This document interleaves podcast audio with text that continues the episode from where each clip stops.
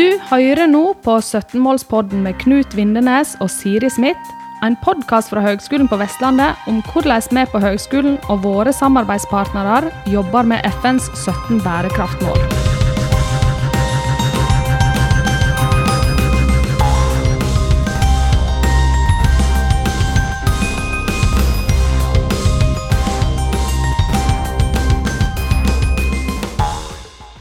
Ja, folkens. Denne gang så eh, snakker vi med Henrik eh, Asheim.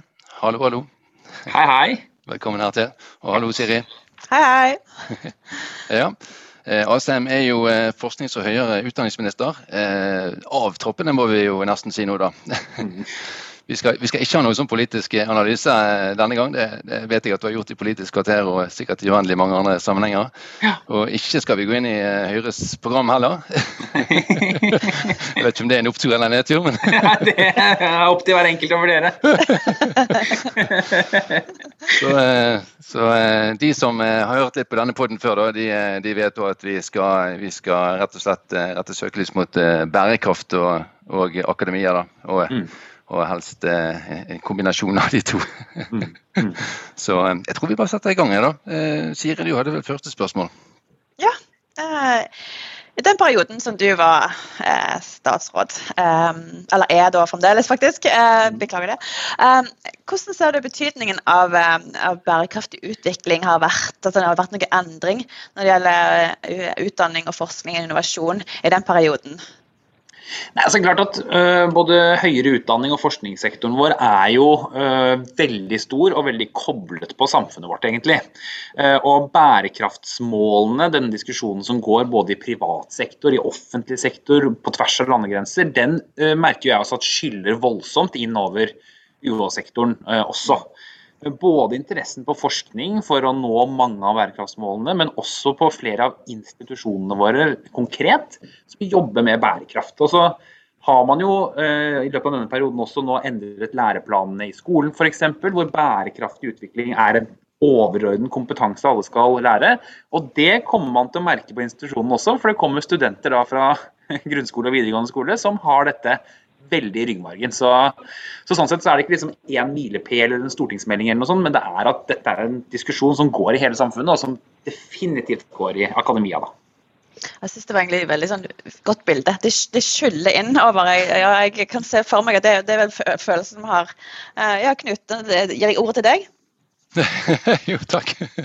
Ja, nei, det, er jo en, det er jo en bølge, og det er et veldig godt poeng at, eh, at eh, de generasjonene som kommer inn, de eh, studentene som kommer inn eller blir studenter, de er, de er virkelig på hugget. Eh, og så er jo det sånn at eh, for, eh, ja, for en, en måneds tid siden eh, så kom jo eh, FNs eh, klimapanel, som jeg prøver å si det rett her, rapport eh, med, med rode, nei, kode rød.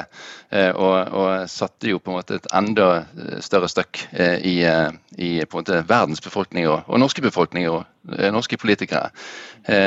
Hvordan tenker du at eh, veien blir videre, eh, sett med, med, med på, baklys, på, på, på, bakgrunn av den? Og, og hva rolle tenker du at høyskolen eh, som, en del av akademia har videre der? Nei, altså det er klart at Den rapporten, som skapte mye debatt, men den var jo egentlig ikke så overraskende heller. For vi har jo fra klimapanelet fått rapporter løpende som hele tiden minner oss på at dette blir mer og mer alvorlig, og det må gjøres ting raskt. Så er det klart at eh, den kommer nok til å påvirke på den måten at Og jeg har hatt gleden av nå, nå har det jo ikke bare vært valgkamp, men egentlig helt siden jeg ble statsråd, å besøke også mange f.eks. private bedrifter som lager betong på Vestlandet eller hva det måtte være, og som er veldig veldig opptatt av å gjøre dette med så lave utslipp som mulig, og hvor målet alltid er å bli helt utslippsfrie. Dette er jo noe som, som jeg tror mange bedrifter og ikke minst offentlig sektor gjør, fordi man er opptatt av å løse dette store, store problemet. Så kan man jo spørre seg, ikke sant? eh, fordi det ofte blir sånn, hva skal da f.eks. HVL eller andre institusjoner da gjøre? Og så kan det høres ut som at da får man liksom på en måte et helt nytt oppdrag, men egentlig gjør man jo ikke det. Det er jo eh, på en måte høyere utdanningssektorens evige oppdrag, og har alltid vært det, å utdanne den kompetansen vi trenger, svare på de behovene som innbyggerne og samfunnet vårt har. Og nå står vi i en situasjon hvor vi skal halvere utslippene våre innen 2030. Og hvor vi sammen med resten av verden skal klare å nå dette ambisiøse klimamålet for å unngå veldig farlige klimaendringer. Og Da handler det både om å utdanne riktig kompetanse, det handler om å bistå på forskningsprosjekter, samarbeide på tvers med flere land, men også med andre næringer. Eh, og rett og slett sørge for at vi har, den, at vi har noen av de flinkeste folka, da, rett og slett. Eh, og så er det klart at, og det kjenner jo alle som kan bærekraftsmålene, at dette er noe som angår nesten alle uansett. Du kan finne et bærekraftsmål som angår deg. Så det å sørge for at det også blir en del av både utdanningene og kompetansen som vi har når vi kommer ut i arbeidslivet, det kommer til å være en veldig viktig oppgave for, for institusjonene våre. Ja. Hører du løfter eh, vestlandsbedrifter, så det ja. liker vi å høre. Eh, samhandling eh, nevnte du også der, og det er, vel, det er, vel, noe som vi nesten aldri kan bli gode nok på. altså Høyskolens oppdrag med å med å være en utvikler i regionen, eller regional utvikling, da, som, vi som gjerne kaller det. Så det, det er et viktig poeng òg. Ja. Ja. Jeg tenker, altså, eh, har jeg kanskje sett noen tendenser til at bedriften, går, bedriften og det private næringslivet går foran nå, mens politikerne liksom halser litt etter. Det, det er litt spesielt. Mm. Ja, og det er, for det, det er noe som er litt irriterende når man hører på klimadiskusjonen, også oss politikere imellom, så høres det ut som at nå må vi gjøre noe. Men, men herregud, og mye som skjer. Altså, Overalt. Og det er ikke sånn at alt trenger å være en handlingsplan eller en post på statsbudsjettet. Det gjøres ting over hele samfunnet vårt som bidrar på en veldig flott måte. Husk at Norge har kuttet utslippene sine. Vi har de laveste utslippene siden 1993. Eh, selv om vi har doblet kjøpekraften vår og er én million flere mennesker. Altså vi, må, vi, må, også ta med oss alle de gode nyhetene når det er så mange store utfordringer vi skal løse. for Det tror jeg er viktig for å få med seg folk òg. At du ser at du hva, det går tross alt framover. Og apropos Vestlandet. Du skal ikke kjøre langt før du finner noen av de som bygger vindmøllene våre, eller du besøker bedrifter som alltid er historiske industribedrifter, men som gjør ting på en ny måte for å kutte utslipp. Du kan besøke Hydro på Karmøy, verdens reneste aluminiumsproduksjon. Det er så mye som skjer som vi også må glede oss over, selv om vi på ingen måte er ferdig. Vi tenker litt på at uh, har et klimaregnskap her i Norge, så er gjerne ikke olje- og gassproduksjonen som vi uh, eksporterer, det er jo ikke tatt med. da. Så kanskje tallene er litt finere enn de egentlig, sånn, egentlig er. Nei, for da lanserer du en helt ny måte å regne utslipp på eh, som vi ikke gjør i Parisavtalen. Altså det som er, og Dette er jo grunnen til at vi snakker om elektrifisering av sokkelen, karbonfangst og -lagring, bygger verdens største flytende havvindmøllepark i Nordsjøen. Vi har ansvar for vårt utslipp. Men det er ingen som sier at Tyskland har ansvar for utslipp fra alle tyske biler i hele verden det vi har ansvar for, er å sørge for at vi har nå, og det har vi, verdens reneste nybilpark. Fordi vi har en politikk for elbiler. Så, og sånn er det nå også. Så altså, olje- og gassdiskusjonen vil være der eh, og fortsette å rulle, den altså. Men det som irriterer meg litt, er at alt handler bare om sånn Er du for eller mot å stenge norsk olje og gass? Og hvis du er mot det, så kan vi liksom ikke komme videre i samtalen. Men det er så mye bra vi gjør! Ja. Jeg klarte ikke å la være å komme inn på det. Nå er vi nesten i valgkamp igjen. ja, ja, Nei, for det er jo klart, eh, vi snakker om forbruk, så er jo det òg eh, altså der, der, ligger vi sånn at det er bra med kjøpekraft og det er bra vi har god økonomi, men vi, vi forbruker jo for masse. Har for høyt forbruk. Det kommer jo an på hva du forbruker. Ja. Og hvordan du forbruker. Og om du resirkulerer. Og hva varene er laget av. Ja. men selv om så har vi for høyt forbruk. Men, eh, men, vi har jo eh, jeg, jeg, Tilbake til, til spørsmålene da, som har eh, sendt til deg, så var det her jeg lurte på. fordi at når Iselin Nyberg var, var, høyere, var forskning og høyere utdanningsminister, heter det, så, så sa hun at vi må leve det vi lærer og så lanserte en sånn en eh, konkurranse om uh, at disse hø høyere utdanningsinstitusjonene skulle ha sånn, hvem, hvem flyr minst. Mm. Um, og så lanserte òg disse her 98 indikatorene uh, som, skulle, som, sektoren skulle svare på, spesielt på mm. klima. Men det ble, det ble jo uh, det ble ikke noe av det. Det ville ikke sektoren ha noe av. Det ble for mm. omfattende. Det tok oppmerksomhet vekk fra det som egentlig skulle jobbe med. Så ble det egentlig litt stille. Men men diskusjonen bør jo tas opp igjen på en eller annen måte. Så vi, bør jo leve litt mer som vi lærer. Hva tenker du om det? Ja, nei, og det, bare for å ta det med de indikatorene, fordi den ideen var veldig god. Problemet var at det ble så mye diskusjon om formen. og, og, det er for mange, og, det, og da sporer hele diskusjonen av. Så vi også sa det når vi kom inn her, at det, vi er ikke så opptatt av disse indikatorene, men det som er et faktum, det er at hvis alle, og institusjonene og akademikere jeg snakker om alt, alle heier på klimamålene våre, vi skal ha 55% i 2030 og enda mer og sånn, vel, det angår de som ansetter flere titalls tusen mennesker, har ansvar for over 300 000 studenter og sitter på svære bygningsmasser. Det, selvfølgelig kommer det til å ha noe å si for hvordan man da drifter og jobber og driver. Så, så jeg er helt enig. Målet her må jo være, og dette er jo det som egentlig gjenspeiler litt i den klimaplanen som vi har lagt frem, men som selvfølgelig en ny regjering kommer til å måtte fortsette med og kanskje gjøre enda mer ambisiøs, for sånn kommer det til å måtte være nå. Eh, er at den angår alle sektorer. Og Det betyr at alle må se hvor de kan kutte utslipp. Men akkurat indikatorer og sånn, det får da være en diskusjon. Men at, eh, at, man skal måles på utslipp på et eller annet nivå, det kommer til å være helt nødvendig. Så det blir litt del av en større helhet, rett og slett, tenker du? Ja, ja, absolutt. Og det, det, er klart at, og det tror jeg kanskje er litt viktig også at man ser på hvor er de store utslippene, hva er det vi kan gjøre for å uh, spare utslipp. og Det handler jo også om, det ligger jo fortsatt en del store byggeprosjekter i Kjømda nå som er vedtatt og skal gjøres. Ok, Hvordan gjør man det mest mulig effektivt? Skal byggeplassene være utslippsfrie? Alle disse tingene kommer til å være et av viktige spørsmålene som, som vi kan bidra med. og Jeg sier vi når jeg snakker om den sektoren nå, men, uh, ja. men for å kutte utslipp, da. rett og slett. Jeg får tenke en, en, en ting som kunne vært, vært aktuelt, det er jo altså Hvis vi ikke skal, helst ikke skal kjøre for mye privatbil og vi skal ikke fly, så er det jo tog som vi kan se på som, som er klimavennlig. Men vi har jo ikke vært så gode på å bygge ut togbanenettet vårt akkurat. Så det, det, er ikke et reelt alternativ å ta tog fra Bergen til Oslo hvis du har litt tidspress. ja, så, jeg, jeg, valgkampen er over, men jeg kunne sagt ganske mye om hva vi har gjort på tog. men, men, OK. ok. Okay. Eh, det, som, det, er klart at det som, det som, jeg tror kanskje vi alle fikk en liten uh, tupp i ræva på for å si det rett ut under pandemien også, det er uh, Jeg har gjort dette selv som stortingsrepresentant i mange år. Uh, møte i Bergen, fly til Bergen måtte fly fly hjem med tolvflyet. Ja. Er det nødvendig? Nei, det er det ikke.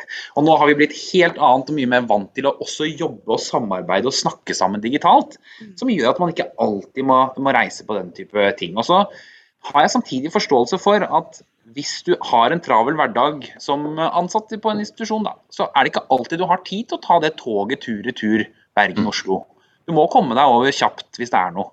Mm. Så, så jeg tror egentlig vi skal være mest opptatt av å uh, forsøke å gjøre det vi kan uten å reise, og så må vi akseptere at akademia er en sektor hvor man er avhengig av samhandling mellom mennesker. Hvor vi kommer til å måtte jobbe på tvers, eh, også med forskere i andre land. alle disse tingene. Vi må ikke bli så redde for klimautslipp at ikke vi f.eks. kan møtes for å finne en løsning på dem. Eh, sånn at det er, eh, det er, Vi må ha respekt for det også, altså. Men jeg tror det er både penger å spare, tid å spare for de ansatte, og eh, utslipp å spare hvis man gjør mer f.eks. digitalt der hvor det er fornuftig. Jeg har, jeg har, jo tenkt litt sånn at syretesten på eh, eller kanskje altså Det å få et møte med et departement og, og kanskje en statsråd eh, mm. er et typisk eksempel der man ville reist med fly eh, fra Bergen til Oslo f.eks. Men, men kanskje vi er der at, eh, at, det rett og slett kan bli eh, at viktige møter kan, kan faktisk skje digitalt likevel. Mm. Altså At vi faktisk har lært det av pandemien. Det, det kan jo hende. Ja. Ja. Så må vi bare passe på at det ikke blir for enkelt å innkalle til møter. Ja, det er også en ting. Fordi, også en ting. Det kommer å ha flest mulig materiell. Det er, sånn, Nei, ja, sant. En balanse der. Mange balanser her. Ja. Eh, jeg har et spørsmål her som jeg faktisk er rett og slett litt spent på. Eh, FNs bærekraftsmål nummer 4-7, det kan du sikkert ikke utenat, og ikke jeg heller. Men eh, det heter iallfall Eh, altså det handler om å sikre at alle elever og studenter tilegner seg den kompetansen som er nødvendig for å fremme bærekraftig utvikling. Det er egentlig et veldig viktig felt da, at, vi, at vi utruster eh, de, altså arbeidslivets nye arbeidstakere da, med, med, rette holdninger og kompetanse. Og så tenker jeg vel at eh, både arbeidslivsrelevans som vi kaller det. At vi har utdanninger som er koblet tett nok på virkeligheten gjennom praksis og sånn. Og det med livslang læring, eh, som er jo et fint begrep. Videreutdanning eh, og, og, og, eh, andre måter å lære på også etter at man har tatt sin eh, utdanning, hovedutdanning. Og det kan være viktige stikkord. Eh, i, hva, I hva grad tenker du at sektoren, altså utdanningssektoren tenker eh, innovativt, altså tenker nytt nok og kraftfullt nok rundt dette her?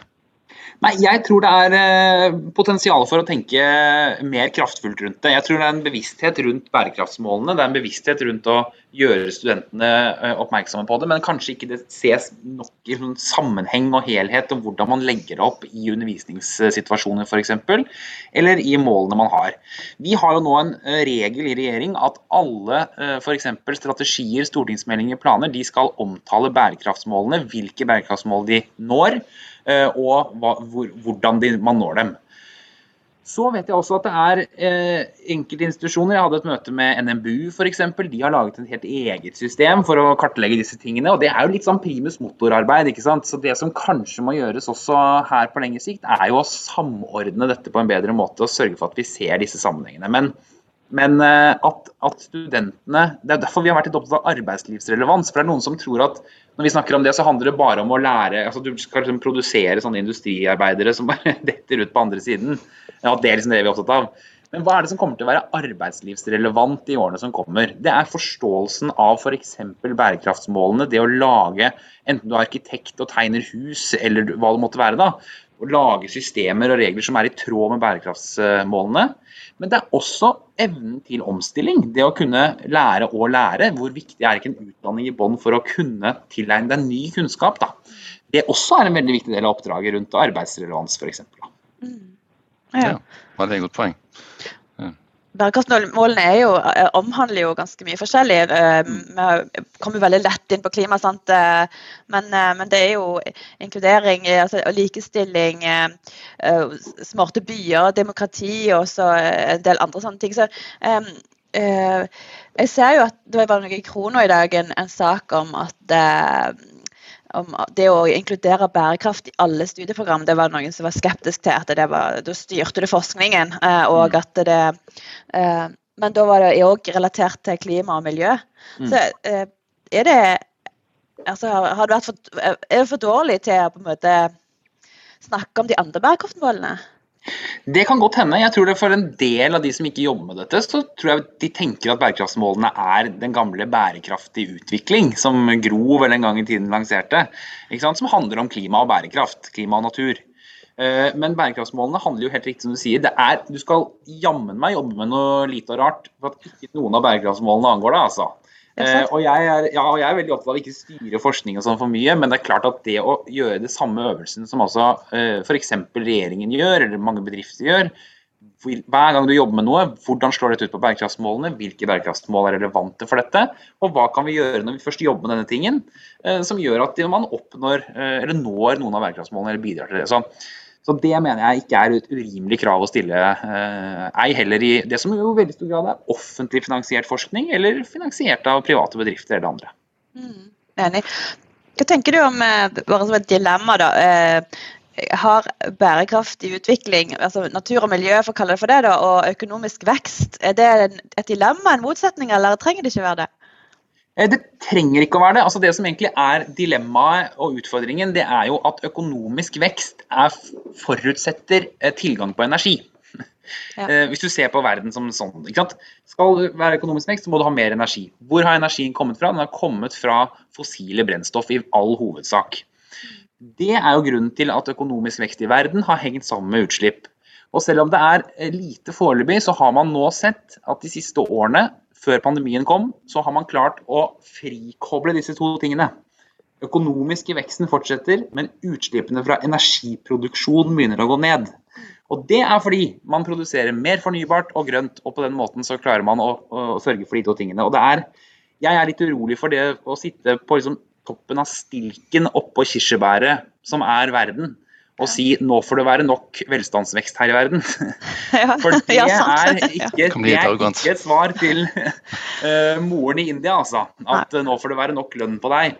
Mm. Så, så det, jeg tror egentlig veldig på at den økonomiske veksten må komme på en måte som er bærekraftig, både ved at energien vi bruker er grønn, og at vi har en mye større, uh, altså mye bedre løsninger for å f.eks. resirkulere, bruke bærekraftige varer, den type ting. da. Hva med naturkrise, da? Altså med å bygge ut og, og, og, det har jo med energi. Det har du et annet dilemma, kan du nesten si. Du skal ha fornybar energi på land. da, altså Den velkjente ja, landvinddebatten. Mm. Hvordan skal vi klare å få altså, å gjøre begge deler? da, Sørge for nok, nok energi, samtidig bevare natur og biomangfold? Nei, og der er det, det, er klart, der, man jo, der har man jo en balansegang egentlig man må treffe hele tiden. Men jeg syns det har vært litt frustrerende eh, å høre. ikke sant? Man vil ha elektrifisere alt. Du vil ikke oppgradere vannkraftverkene. Du vil ikke ha vindmøller. Du vil heller ikke ha dem til havs. Du vil heller ikke ha strømmaster. Eh, men alle skal få strøm, og den skal være grønn. Det regnestykket går ikke opp. Eh, og Det betyr at eh, det skal ikke være noen sånn hodeløs utbygging av, eh, av vannkraftverkene f.eks. Vi har jo veldig strenge verneplaner. Men det må, være, det må være rom for å da også bygge ut mer grønn energi hvis man skal klare det grønne omstillingen. For det som kommer til å skje fremover når alt elektrifiseres, kan man tenke deg Norge nå, men hvis alle bilene i Norge er elbiler, og alle nesten kommer hjem fra jobb klokka fem, og alle stikker den i stikkontakten samtidig, så må du både ha et strømnett som tåler det, men du må også ha nok kraft. Eh, så, så, dette tror jeg er noe som Det er et dilemma, men jeg mener egentlig at det blir for dumt å si at enten må du bygge fornybar energi, eller så må du ta vare på naturen. Det er jo den balansegangen vi egentlig må klare. Mm. Jeg ønsker å gå litt, eh, litt, tilbake igjen til en ting du var inne på. og Det var, eh, altså, det var dette med å inkorporere ganske eksplisitt bærekraftsmålene i altså For ditt vedkommende så blir jo, så blir jo det regjeringens stortingsmeldinger sant, og andre mm. Offentlige dokumenter. Um, dette går litt inn i måte, høyskolens uh, prosess nå med å lage en tydeligere strategi også. Um, jeg tenker altså Spørsmålet blir egentlig da, hvordan, hvordan kan vi uh, få et slags genuint forhold til altså bygge kultur for bærekraft? Um, vil, vil, det bli en i hva grad, altså Ved å gjøre det sånn, kan, det kan sikkert ha både pluss, men det kan kanskje også ha kan det ha minus også ved at, eh, ved at det blir et litt sånn regel Eller du, du, du, du på en måte, du, henviser tre ganger i løpet av et kapittel, og så har du på en måte gjort jobben. Tenker og da, du? Ja, nei, og Det er et veldig veldig godt spørsmål, fordi da er det på en måte like langt. Eh, da blir det bare en sånn, og så må vi si noe om bærekraft. Men, men sånn som var i hvert fall min erfaring når vi fikk dette pålegget fra Nikolai Astrup, som er bærekraftsminister i tillegg til kommunalminister eh, eh på dette, så måtte jo vi tenke oss om på en ny måte. Og det vi egentlig oppdaget, det var at selv om vi laget en stortingsmelding om eh, f.eks. arbeidslivsrelevans, så ble vi gjort oppmerksom på at dette er en del av bærekraftsmålene også. Eh, og hvordan kan vi se sammenhengen mellom det å lage en utdanning som er relevant for arbeid, med nettopp det at alle da bærekraftsmålet, alle studenter skal ha kunnskap om bærekraftsmålene og hvordan man kan nå dem. Ok, da blir det en annen måte å tenke på. Så, så, jeg tror egentlig at noe av det som er lurt, det er å bygge også en interesse internt for hva dette betyr, istedenfor at det bare kommer en sånn må omtales minst tre ganger på hver side, for det får man til. Uten at det har noen som helst effekt på resultatet. Eh, men, men, det er klart at det er et stort og vanskelig spørsmål, fordi kulturbygging, særlig i akademia, tror jeg for å være helt ærlig, er vanskeligere enn i mange andre sektorer. fordi det er en veldig fri eh, Det å være akademiker er en fri stilling hvor du er veldig opptatt av å ikke bli overstyrt. Heldigvis. Men da er det vanskeligere kanskje å bygge kultur også. Mm, mm. Ja. ja. Bygge en interesse. Det er, vel, det er, vel, kanskje så enkelt og så vanskelig. Vi skal jo ha, en, eh, vi skal jo ha et bærekraftstema opp i en ledersamling faktisk i morgen. Så, og, det, og det, er jo vi skal, det er jo nettopp det vi skal prøve å gjøre. Da, og måtte bygge enda mer engasjement og, enda mer interesse. Så det kan jo kanskje være dagens tips til deg, selv om det er altså, enkelt og vanskelig samtidig. ja. Nei, Jeg likte det svaret. Det var godt svar, synes jeg. Eh, jeg lurte på en annen ting som, som, eh, som vi har fått spørsmål som kalles for bærekraftteamet ved Høgskolen på Vestlandet. og så spørsmålet om ja, hva gjør vi med internasjonalisering? Vi har fått mm. krav vi skal økt internasjonalisering, men det innebærer fly, flyreiser eh, for studentene og Da vil jo klimaregnskapet vårt uh, gå opp. Nå hadde vi faktisk to studenter som uh, tok uh, altså Statsråd Lemkull har jo lagt ut på sin store jordomseiling. Mm. Så de satt på De måtte sikkert jobbe for føden, men de satt på fra Arendal Arendalsuka, ned til Spania og reiste klimavennlig. og Da utløste de et miljøstipend som vi har sagt at de kan få 2000 kroner ekstra hvis de har klimavennlig transport. Så det var jo de heldige med. Men er det altså Vi må jo snakke om det, men hva, hva tenker du rundt det? Altså, jeg tror Det er jo veldig prisverdig å seile ned med statsråd Lehmkuhl. Nå hørtes det litt gøy ut uansett, for å være ærlig. det kan hende at det var flere motivasjonsfaktorer enn bare CO2-utslipp. Men, men, eh, men jeg, jeg, mener, for å være helt ærlig, at eh, akademia, det arbeidet vi har, enten med utveksling av studenter eller samarbeid i Europa eller verden om forskning, f.eks. på bærekraftsmålene, forutsetter en viss grad av reising. Det er ikke den type reiser som er det store problemet. Eh, det at en student i Norge flyr til USA for å studere et halvt år og flyr hjem igjen, er ikke det store problemet. Så, så vi må ikke bli redde for det. Samtidig har vi i mobilitetsmelding f.eks. åpnet for mer digital utveksling. Det er jo mer egentlig en annen måte å tenke på, men hvor institusjonene kan ha konkret samarbeid med en annen institusjon og ha utveksling gjennom digitale verktøy uten å måtte reise dit. Men jeg tror at den type reiser, enten det er for å utvikle nye løsninger eller lære noe nytt, det er ikke det vi skal være mest eh, opptatt av. Det er nok heller mer de unødvendige reisene for korte møter og sånt som vi bør, eh, bør kutte på først. da. Ja, det er ikke, Man må nesten være enig i det. altså det, det, det Merverdien av utveksling og det lære ny kultur og nytt, nytt språk, eller hva det skal være, det, den, eh, mm. det bør henge høyt. Uh, ja, enig i det. Men det var jo litt ok sånn sett å se da, at når vi bladde i, litt i forberedelsene i, i, den stortingsmeldingen om studentmobilitet, at, at det, var drøftet akkurat dette her. Ja. så det, Det, var, det, var, på en måte litt ok å se den litt sånn offensive tilnærmingen synes jeg på det. da. Mm. Ja, vi snakker om ting. Refleksjoner rundt det. Absolutt. Mm, mm. Ja, du, altså, jeg tenkte Vi må jo gå litt inn på eh, Når du er tross alt eh, avtroppende statsråd og har sittet eh, som statsråd noen år. Um, hvordan, hvordan, er det å være i den situasjonen, å være avtroppende statsråd og skulle gi stafettpinnen altså Regjeringen skal avvikle sitt arbeid nå, og du skal gi stafettpinnen til en annen. Hvordan, hvor er du hen i, i reisen din? Ja, det er bittert. Det er bittert, og jeg sitter og er rasende og sur. Nei da, jeg gjør ikke det, altså. Det, er, eh, det, å være statsråd, det vet man når man kommer på. Det er at det er for det første et privilegium uh, som du aldri kan forvente å få, og som du må være forberedt på å gi fra deg når som helst. Og vi har jo i halvannet år nesten det vært en mindretallsregjering òg, som gjør at du egentlig skal ha i bakhodet at dette kan ryke i morgen. Uh, ryker det, så ryker det. Men, uh, men det er klart, nå er man jo i en sånn situasjon hvor vi uh, sitter og venter litt på den nye regjeringen og sånn. Og det er klart det som jeg, jeg kjenner jeg deler vel den samme spenningen som alle andre. Jeg er spent på hva de foreslår av politikk. Jeg er spent på hvem som skal overta. Så er vi heldige i Norge ved at vi får som regel ganske gode og kompetente regjeringer. Og det at det blir en mindretallsregjering nå, det betyr også at Stortinget vil ha mye å si. Det tror jeg er bra. Eh, for det betyr at man får brynet mange av de diskusjonene i offentligheten istedenfor at alt gjøres på lukkede rom. Men, eh, men, eh, akkurat nå så er det litt sånn, du står litt sånn i startgropa på å komme videre også. Og så er det mange ting som jeg er lei meg for at jeg ikke nå får fullført og gjort, men det, det er jeg sikker på at en ny regjering kommer til å ta. Den stafettpinnen tror jeg de tar med seg videre. Du kan, vel ikke si, du kan vel ikke si noe om hva du ville, vil gjort? Nei, altså det er, det, er, vidt, det, er, det er, mange ting, egentlig. Men, men, det er særlig to ting. Det ene er at jeg mener vi burde tenke nytt og annerledes på dette med å bygge studentboliger. For jeg blir litt gal av at nå har vi ikke prosjekter. Altså det er det er en mismatch nå mellom hva kommunene tar på seg ansvar for å regulere tomter raskt nok, og hva studentene trenger osv. Der skulle jeg gjerne gjort mer så tror jeg man skal, eh, skal, også Man burde utvikle videre nettopp den diskusjonen som dere tar opp nå. Hva er formålet vårt med høyere utdanning i framtida? Hvilke kompetanser og virkemidler er det som skal være på plass? Jeg er veldig glad for at vi fikk på plass styringsmeldingen som la noen rammer for styring. Men så må det jo innenfor de rammene være mulig å diskutere mye hvordan utdanningene skal se ut videre. Det er masse, det er masse sånt som man kunne tenkt seg å gjøre. men eh, det er jo spennende spørsmål.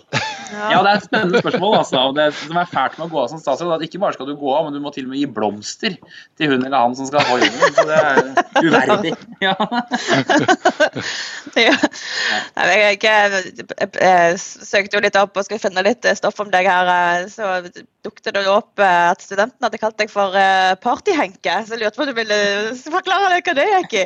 Ja, det er et navn som Universitas i Oslo fant på. Og det var faktisk eh, for flere, fire år siden da jeg var vikaren til Torbjørn Røe Isaksen i ti uker. Ja, ti uker, ja. ja og da spurte de om, hva, om de kunne kalle meg Partyhenke. Og da, jeg, da, var jeg jo en sånn fyr vikar som var inne i ti uker. Da. Det var vel litt, det som var litt av tanken, tror jeg. Men, oh, ja. Eh, men jeg gjør gjerne det. Jeg kan gjerne være Partyhenke, jeg også. ok. Det var ikke, var ikke, mer uh, spennende enn det, liksom? Nei, dessverre, altså. Dessverre, altså. Jeg, har ikke, jeg har ikke levd et så utstrevende liv. Ja, ok, ja, det er greit.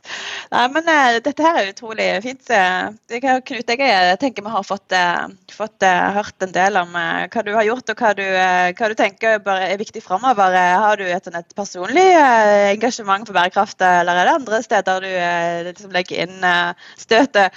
Nei, men det, det, har jeg absolutt, og det, det, gjelder på mange mange områder. og det er klart at Noe av det som må å sørge for at uh, utdanning blir tilgjengelig for alle over hele verden. Vi vet at dette er hovednøkkelen for å løfte mennesker ut av fattigdom. Vi vet at det å gi kvinner noe grunnleggende rettigheter i de fattigste landene i verden, både gjennom utdanning, kontroll over sin egen kropp, en del sånne grunnleggende spørsmål, er, er faktisk nøkkelen til å løfte et helt samfunn ut. Men også selvfølgelig klimadiskusjonen, som kommer til å prege, uh, uansett hvor man er i samfunnet, livene våre. Eh, i eh, tiår fremover. For dette må vi klare å nå. Hvis ikke vi klarer det, så går det utover ufattelig mange mennesker. Ja, ja. ja men det, dette er viktige betraktninger. Det, jeg, vil jo, jeg, vil jo, tro at uh, du har et uh, solid politisk liv videre, så her det, burde det være store muligheter, for å si det sånn. det er velgerne som bestemmer det, vet du. Det er bare velgerne. ja, veldig bra. Ja, nei, men eh, Det har vært en spennende samtale. dette. Eh, veldig kjekt å få anledning til å eh, snakke med deg her i podden. Vi har vært innom en del viktige ting. Så tusen takk for at du stilte opp. Skikkelig kult, for å si det sånn, at vi, at vi fikk den samtalen. Så, så tusen takk for det til Henrik Asheim. Takk for meg. Tusen takk. Du har nå hørt en podkast fra Høgskolen på Vestlandet. Du kan høre flere podkaster fra oss ved å gå inn på nettsiden hvl.no. slash podkast.